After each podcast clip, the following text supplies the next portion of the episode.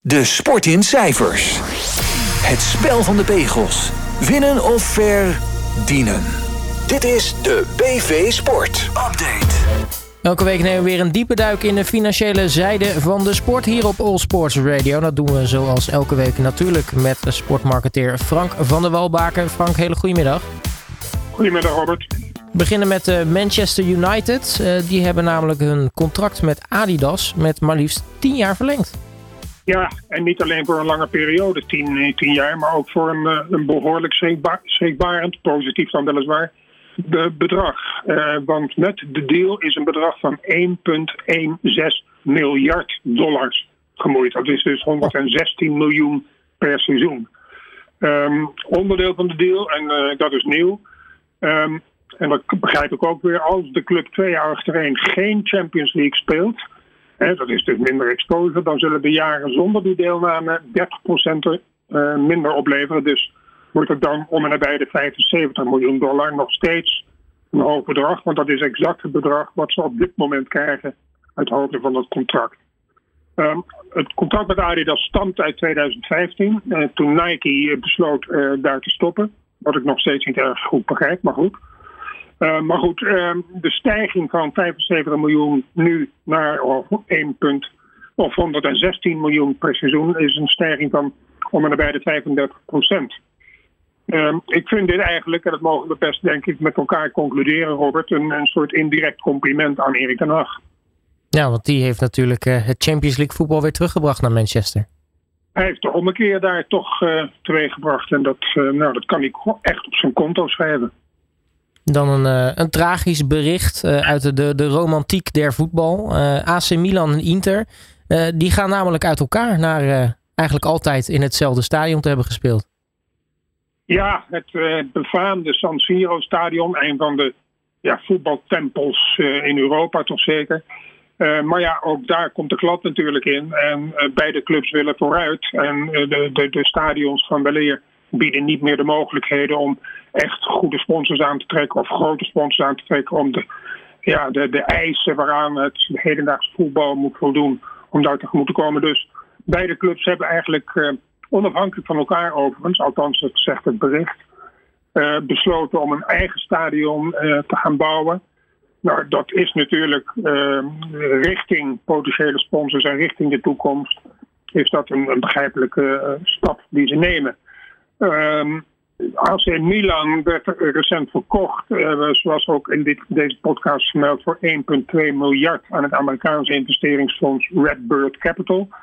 En die uh, ja, die constatering zal zeker een rol hebben gespeeld in de beslissing om een eigen stadion te plannen.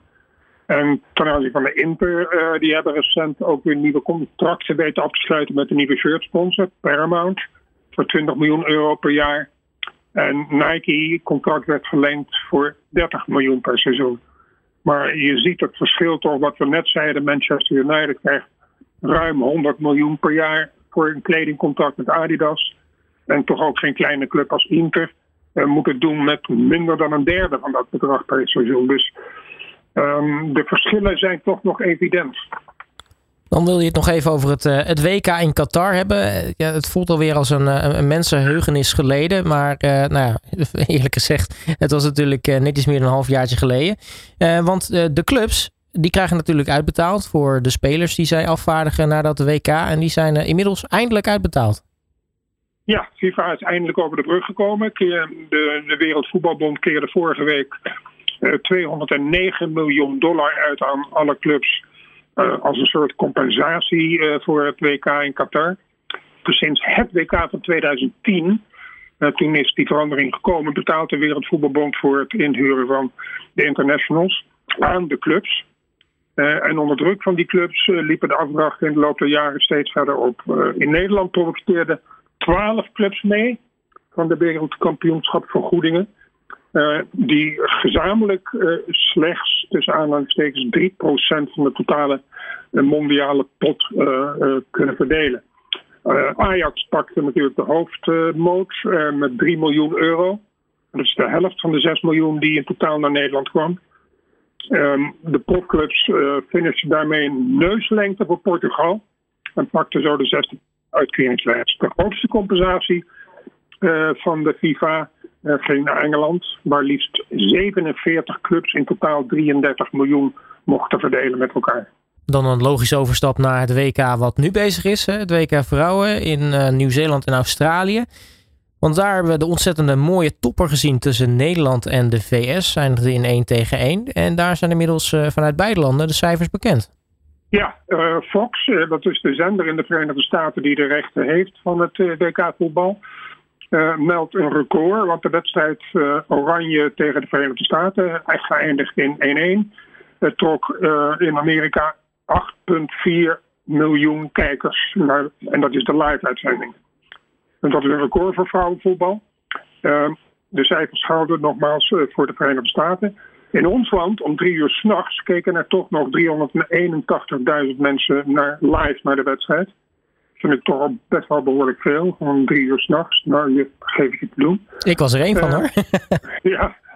Uh, uh, terwijl er 1,4 miljoen mensen naar Oranje Portugal keken. Dat was op zondagochtend om half tien. De zevenklapper tegen Vietnam uh, afgelopen dinsdag om 9 uur s ochtends trok overigens 1,8 miljoen kijkers uh, in ons land. Dat is natuurlijk mooi. En dat zal nu alleen maar toenemen. Nu al bekend is dat de op dinsdag, volgende week dinsdag spelen tegen Zuid-Afrika. Um, maar ook overigens, dat wel is een wedstrijd die ik meen om vier uur s'nachts plaatsvindt. Dus is nog maar de vraag hoeveel mensen de wekker zullen zetten. Uh, overigens heeft een Engels bureau berekend dat procentueel Marokko, of all, all countries, het hoogst scoort in interesse en passie voor het vrouwenvoetbal. En dan met name voor het WK. Maar liefst 44% van de bevolking tussen 12 en 60 jaar oud. En in Brazilië is dat, die staat op 2, met 35%, Duitsland op 3 met 33% en China met 30%. Nederland bengelt enigszins onderaan in deze lijst van 20 landen met een percentage van 22 Uh, ik ga er overigens vanuit dat deze meting, want die kreeg ik gisteren al binnen, uh, dat dit plaatsvond voordat de 7-0 uh, overwinning op Vietnam werd geboekt. Dus ik denk dat die 22% interesse nu wel zal zijn toegenomen zoals het zo vaak gaat in Nederland, als er successen zijn, dan komen de mensen vanzelf. Tennis, eh, Frank. Eh, Wimbledon is natuurlijk eh, net afgelopen. daar weten we van dat het prijzengeld gelijk getrokken is tussen de mannen en de vrouwen. Daar was natuurlijk heel lang vraag naar. Ehm, maar ja, lange is de vraag natuurlijk. Ja, uit het gelijkheidsopzicht is het natuurlijk goed. Maar is het nou, uiteindelijk ook financieel verantwoord om het gelijk te trekken?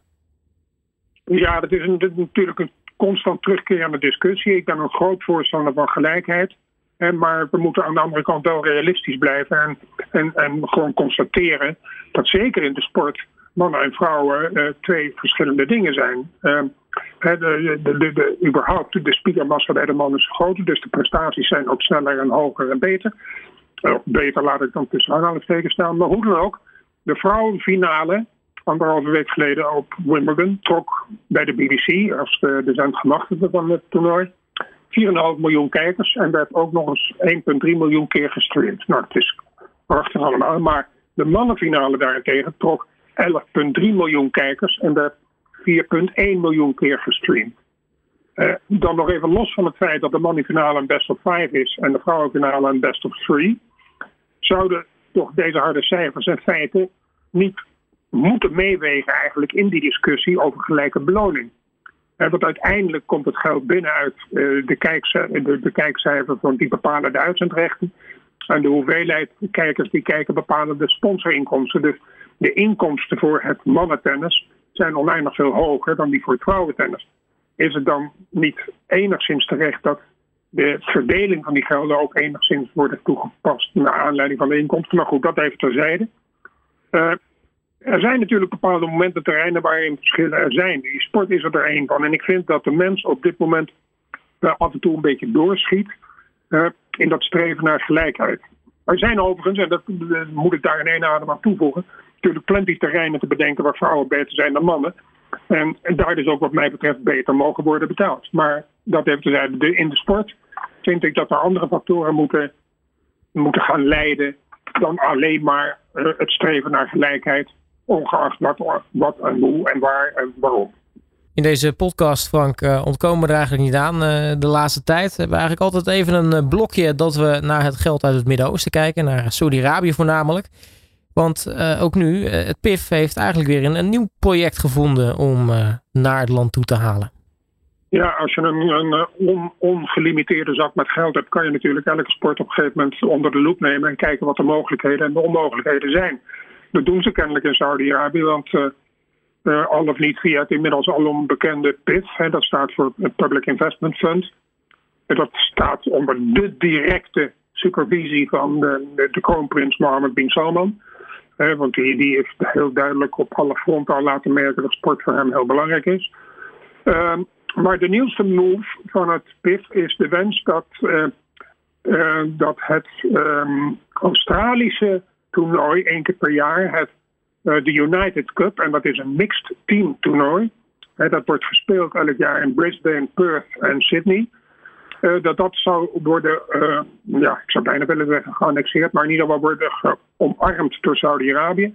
Want een onderdeel van de deal zou zijn, en een deal die natuurlijk heel veel geld in het laadje uh, met zich meebrengt, dat het toernooi zou verhuizen naar Saudi-Arabië, naar de havenstad, de stad Jeddah aan de Rode Zee.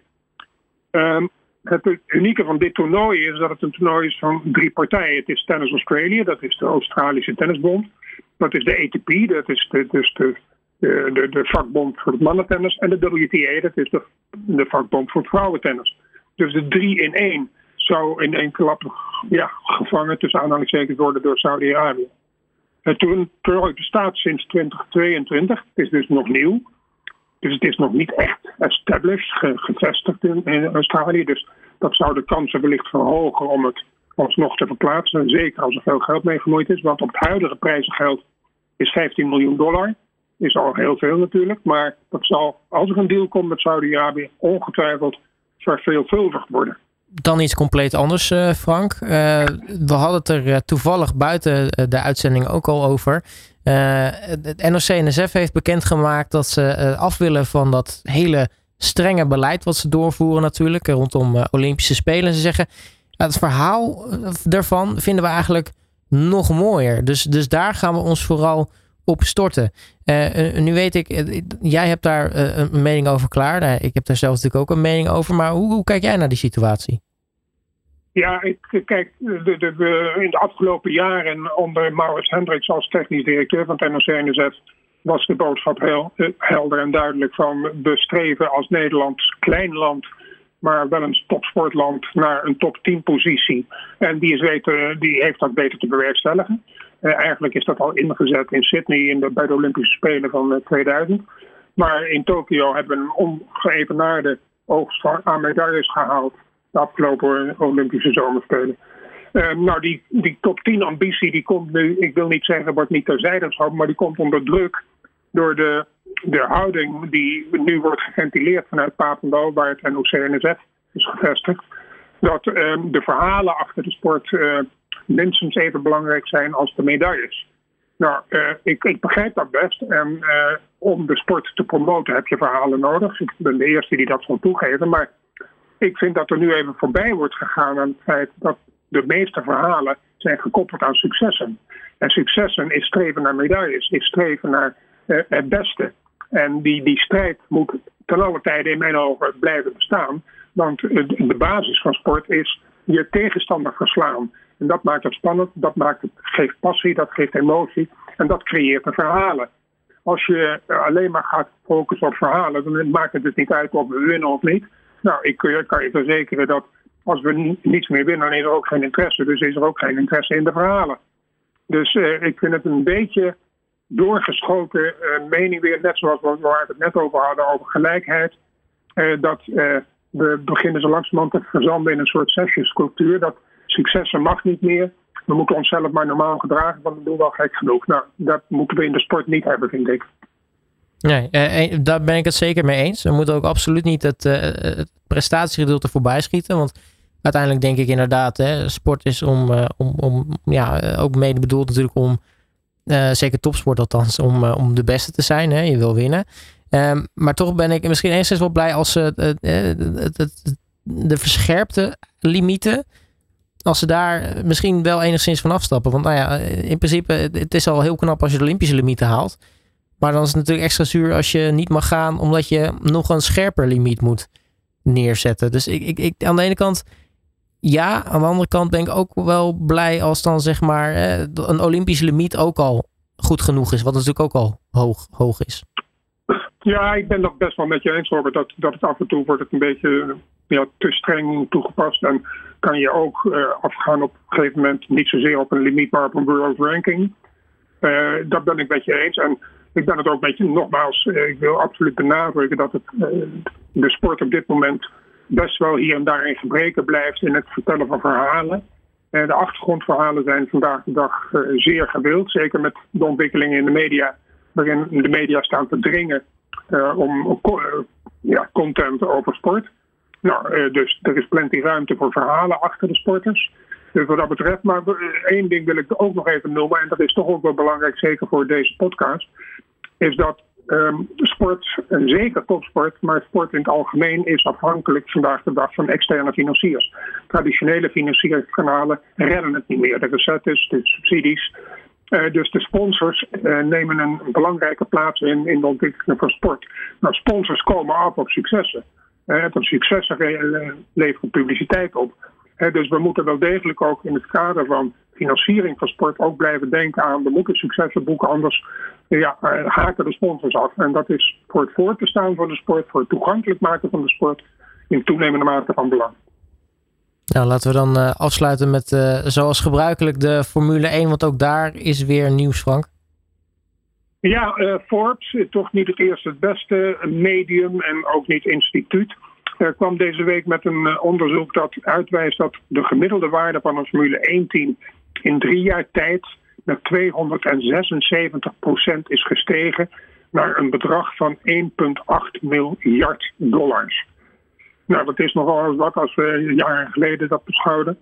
Ferrari en Mercedes staan on top op de list met een waarde van 3,8 miljard, gevolgd door Red Bull met een waarde van 2,6 miljard. Dus dat is volgens Forbes een verschil van 1,2 miljard.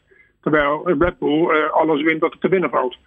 Maar dat geeft dus aan dat, en dat vind ik echt ergens wel goed ook, dat uh, traditie uh, in de sport nog steeds stelt. dat heb je in het voetbal met Manchester United, waar we het net over hadden, dat die hogere contracten kan afsluiten dan een andere club, Inter in, uh, in Italië.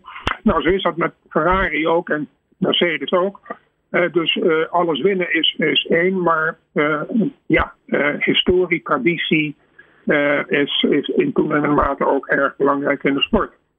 Um, het rapport onthult ook enkele sponsorbedragen die ook interessant zijn, want um, ja, voor degene die het niet weten, maar Oracle als hoofdsponsor van het Red Bull team betaalt 300 miljoen voor een vijfjarige deal met Red Bull. Terwijl Petronas per jaar 75 miljoen betaalt aan het Mercedes Formule 1 team. Als je dat dus gedesconteerd in vijf jaar, dan is dat toch meer dan Oracle betaalt per Red Bull. Um, ook is nu bekend trouwens wat Audi heeft betaald voor de 75% van de aandelen van het huidige Sauber Alfa Romeo team namelijk 650 miljoen. En Audi neemt dat uh, over uh, vanaf, nee, vanaf 2025 seizoen. Uh, en dan zal dat team dus Audi gaan heten. En dan zijn we benieuwd natuurlijk wat Audi daarmee gaat doen. Maar hoe, dan ook, gemiddeld inkomen per jaar per team is 600 miljoen dollar. Um, nog even terug naar die vergelijking Ferrari, Mercedes met een waarde van 3,8 miljard en Red Bull met een waarde van 2,6 miljard. Uh, ik denk dat daar ook een rol in speelt dat Ferrari en Mercedes zijn automerken. Uh, dat is dus logisch in de Formule 1. Red Bull is dat niet. En ik denk dat uh, de waarde van een Formule 1-team mede wordt bepaald door wat er nog aan mogelijkheden is om extra sponsoring te halen. En als je bij Red Bull aan boord komt, dan weet je dat je wordt gedomineerd door Red Bull als een branchevreemd merk dat alle publiciteit zal opeisen. Bij Ferrari en Mercedes is dat minder, want de Ferrari is een raceauto en Mercedes is een raceauto. Dus dat is een, ja, een detail wellicht, maar het is wel een belangrijk detail in de waardebepaling van een sponsorschap en van een Formule 1-team. Dat was het voor deze week, uh, Robert. Nou, Frank, mag ik weer hartelijk danken voor het ons helemaal bijpraten en het weer op de hoogte stellen van het laatste nieuws. En wij spreken jou volgende week weer. Oké, tot volgende week, Robert. Alle sporten van binnenuit. All Sport Radio.